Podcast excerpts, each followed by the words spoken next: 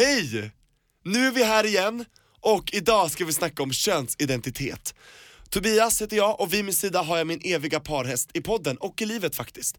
Anton Johansson. Det stämmer bra det. Hej på dig Tobias. Hallå! Och hej på dig som lyssnar. Vi vill börja med att tacka för all kärlek som vi har fått efter förra veckans avsnitt där Mariette gästade oss.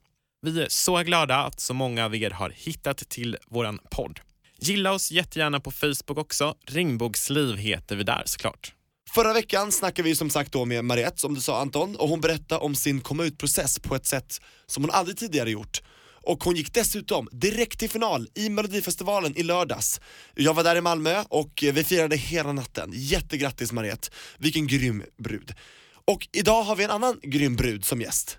Det stämmer bra. Det är Vanessa Lopez som vi har med oss idag. Och eh, Vanessa blev känd för svenska folket när hon som första öppna transperson deltog i en svensk dokusåpa när hon var med i Big Brother. Efter det har hon kommit ut med en bok som heter Jag har ångrat mig som handlar om hennes fysiska könskorrigering och att hon ångrar den processen. Senast syntes hon i SVTs serie Tjejer som oss som skildrar transpersoners vardag. Mm. Då tänker jag Anton, vad skulle du vilja fråga Vanessa? Jag vill prata om hennes könskorrigering, hennes process och hennes resa. Jag vill också prata om unga transpersoners eh, situation. Vad tänker du? Jo, jag skulle vilja snacka om begrepp. Alltså han, hon och hen och hur hon ser på det här.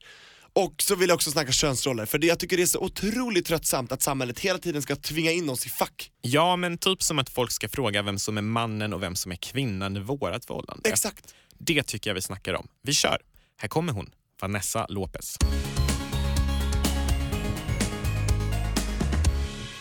Jag var ju en av de yngsta i Sverige att uh, genomföra det här så pass tidigt. Jag var ju 17 när jag började prata med läkare. Jag var inte myndig.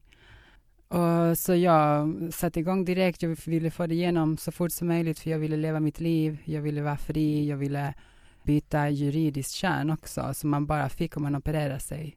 Så jag ville att projektet skulle gå snabbt och eh, när jag var 18 fick jag hormoner och när jag var 20 så opererades jag och var fri så att säga.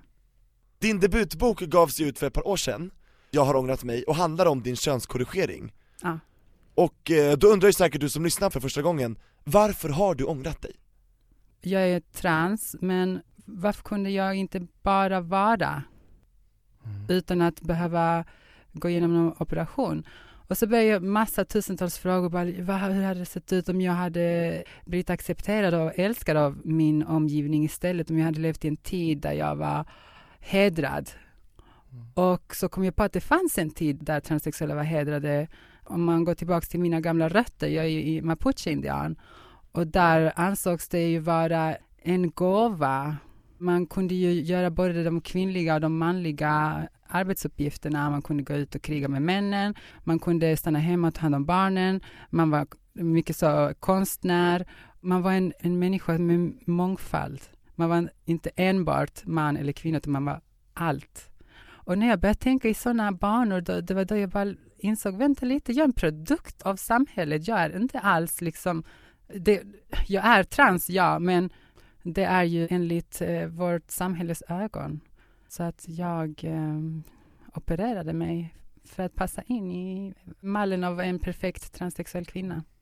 Jag ville passa in och känna mig älskad och accepterad som alla andra människor. Övervägde du någon gång att leva som kvinna utan att genomgå operationen? Alltså den tanken var så tabu i min värld. Jag skämdes att jag var en kvinna med snopp. För jag ansåg att jag inte var tillräckligt jag var inte en tillräcklig människa om jag var um, en kvinna med snopp. Uh, vilket inte är samma sak idag för mig. Jag hade varit lika mycket kvinna med snopp som utan. Det är inte där könsidentiteten finns, så det går ju emot hela teorin om vad könsidentitet är. Det sitter ju i hjärnan, inte mellan benen. Om jag förstår dig rätt så var det mycket omvärldens påtryckningar då som ledde till din könsoperation? Idag skulle jag säga så, absolut. Mm. Eh, också mycket på grund av att vi bodde i Sverige där man var tvungen att operera sig för att få tillgång till eh, juridiskt könsbyte. Och jag ville ju plugga på universitet, jag ville in i modevärlden, jag ville göra saker, jag ville plugga utomlands och jag kunde inte ha det i min väg att ja, jag ska hela tiden behöva förklara mig varför det står man på mitt eh, pass och jag ser ut som kvinna. För mig var det självklart att jag skulle göra det på den tiden. Ja, och visst var man tvungen att sterilisera sig också då? Ja, det är det, det man var tvungen att göra för att få byta juridiskt kön. Egentligen så räckte det med bara sterilisering. Bara det hade räckt, men det var aldrig någon som sa det till mig. Ingen läkare eller någonting, eller någon sa det till mig. Och det var en kryphål i lagen som jag hade sluppit operera mig då, men jag var ju så ung. Om du hade fått eh, göra valet idag, hade du opererat dig eller inte? Jag tror inte jag hade opererat mig. Jag hade kanske steriliserat mig så att jag inte ska fortsätta utvecklas som en man för att förbli feminin. Speciellt om du opererar dig tidigt som jag gjorde, det är därför jag är så himla feminin. Det är väldigt intressant det här och eh, visst finns det undersökningar som visar att eh, så många som var tredje transperson har övervägt att ta sitt liv. Och då måste jag fråga dig Vanessa, vad tror du att det här beror på? Det är jättesynd att vi inte värderar det här perspektivet som bara en promille av befolkningen har.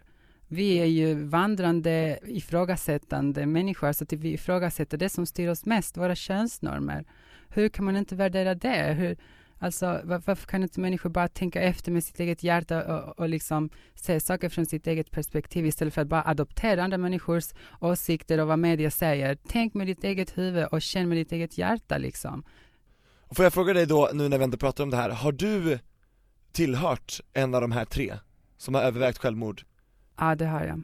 Det här är första gången någonsin som jag eh, erkänner det, eller berättar. Det det var någonting som jag väldigt länge kände skam för. För jag har alltid varit så stark och, och så kom det till en punkt att jag bara kände liksom, alltså jag orkar inte liksom. Och jag skar mig i armarna och tog massa tabletter och så blev jag magpumpad. Det var när jag var typ så 22 någonting jag vet inte om jag var nära där, men min avsikt var ju att, att få slut på det. Så att, ja, jag har också övervägt. Du hade genomgått eh, den här fysiska operationen och du levde då fullt ut som kvinna. Mm. Vad hade du behövt för stöd från samhället för att må bättre? Bra fråga. Alltså i mitt fall var det ju familjerelationerna eh, vår familj är så viktig, så jag, jag, tror att vi behöver vår familj främst.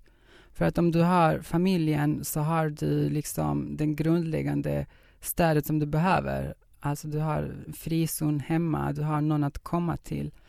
Man måste jobba mycket på familjerelationer. Det är nog det viktigaste. Och om man inte har en egen familj kanske, om de bara slänger ut den och bara vi vill inte ha någonting att göra med dig.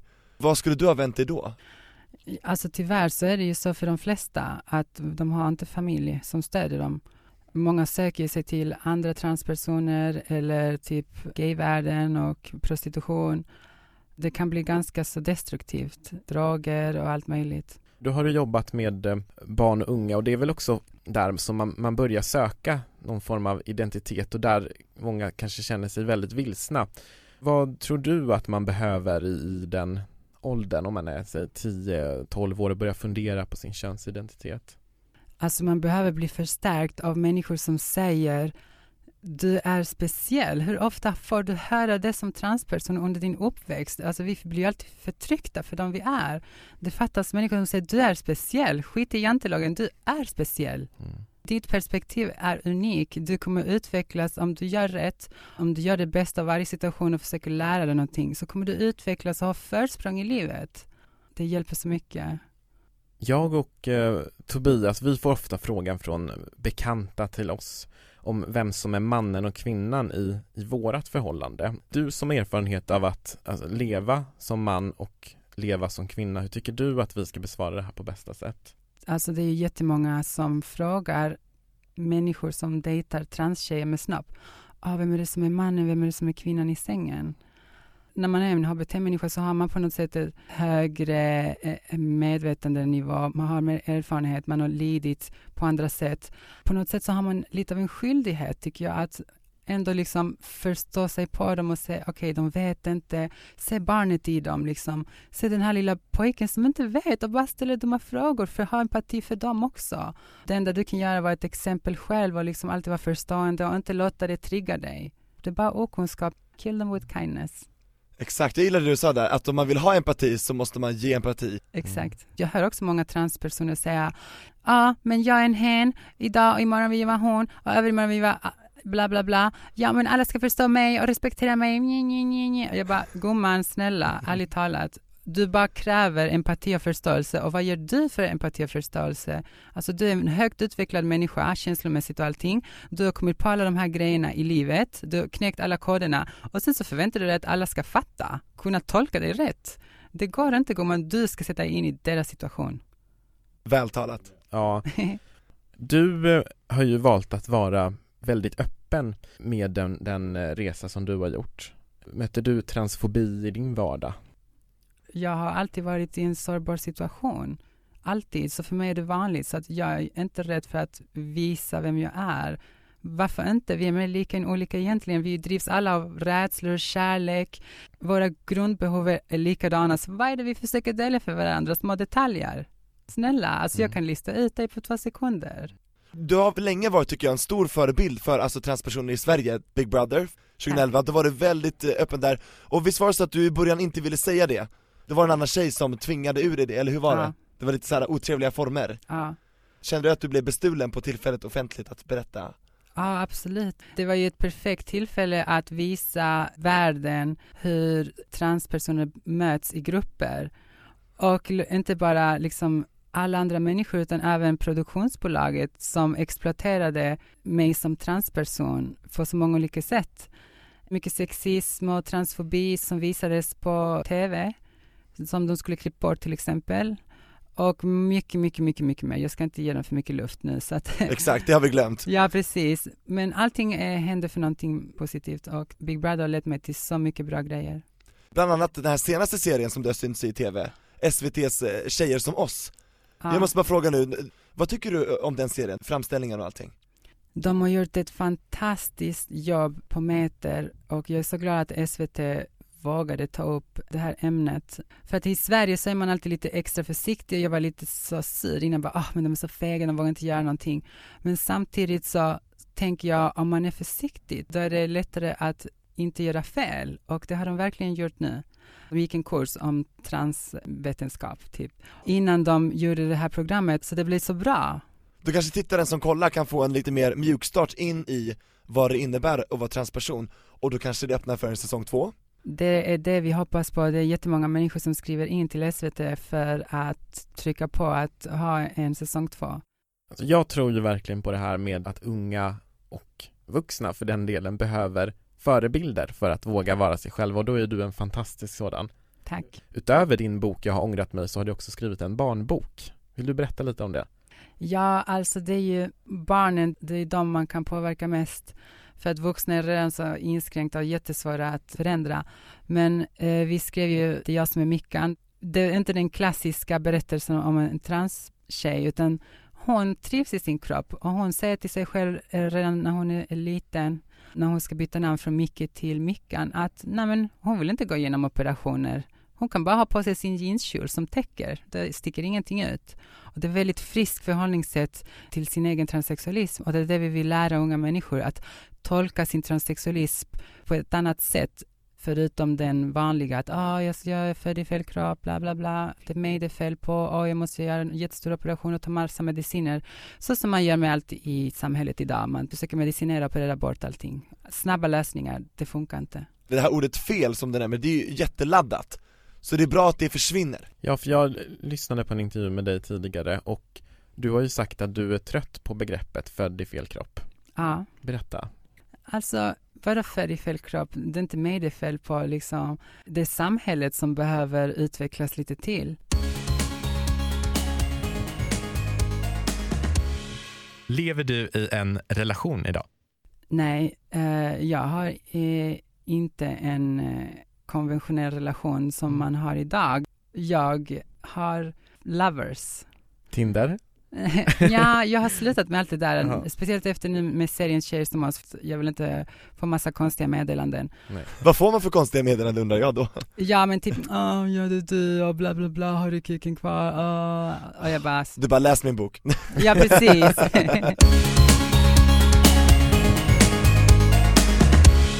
Jag tänkte att vi ska ta upp upp eh, veckans lyssnarbrev.